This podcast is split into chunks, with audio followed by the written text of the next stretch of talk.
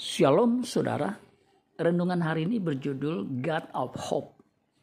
Roma 15 ayat 13. Semoga Allah, sumber pengharapan, memenuhi kamu dengan segala sukacita dan damai sejahtera dalam iman kamu, supaya oleh kekuatan roh kudus, kamu berlimpah-limpah dalam pengharapan.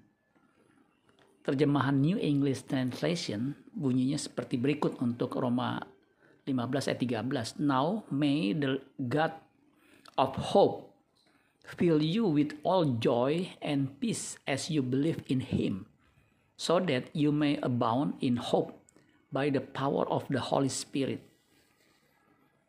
Kita sering mendengar julukan Allah adalah kasih atau God of love. 2 Korintus 13 ayat 11 bahasa Inggrisnya berkata begini, Finally, brothers and sisters, rejoice set things right, be encouraged, agree with one another, live in peace, and the God of love and peace will be with you.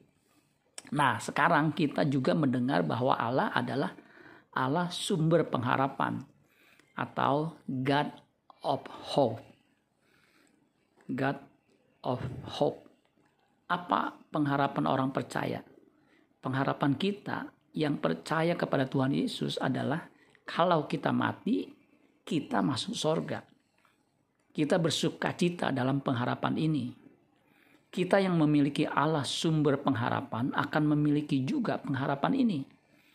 Orang yang memiliki pengharapan ini akan mengasihi sesamanya dan giat melayani Tuhan serta selalu berbuat baik bagi sesama.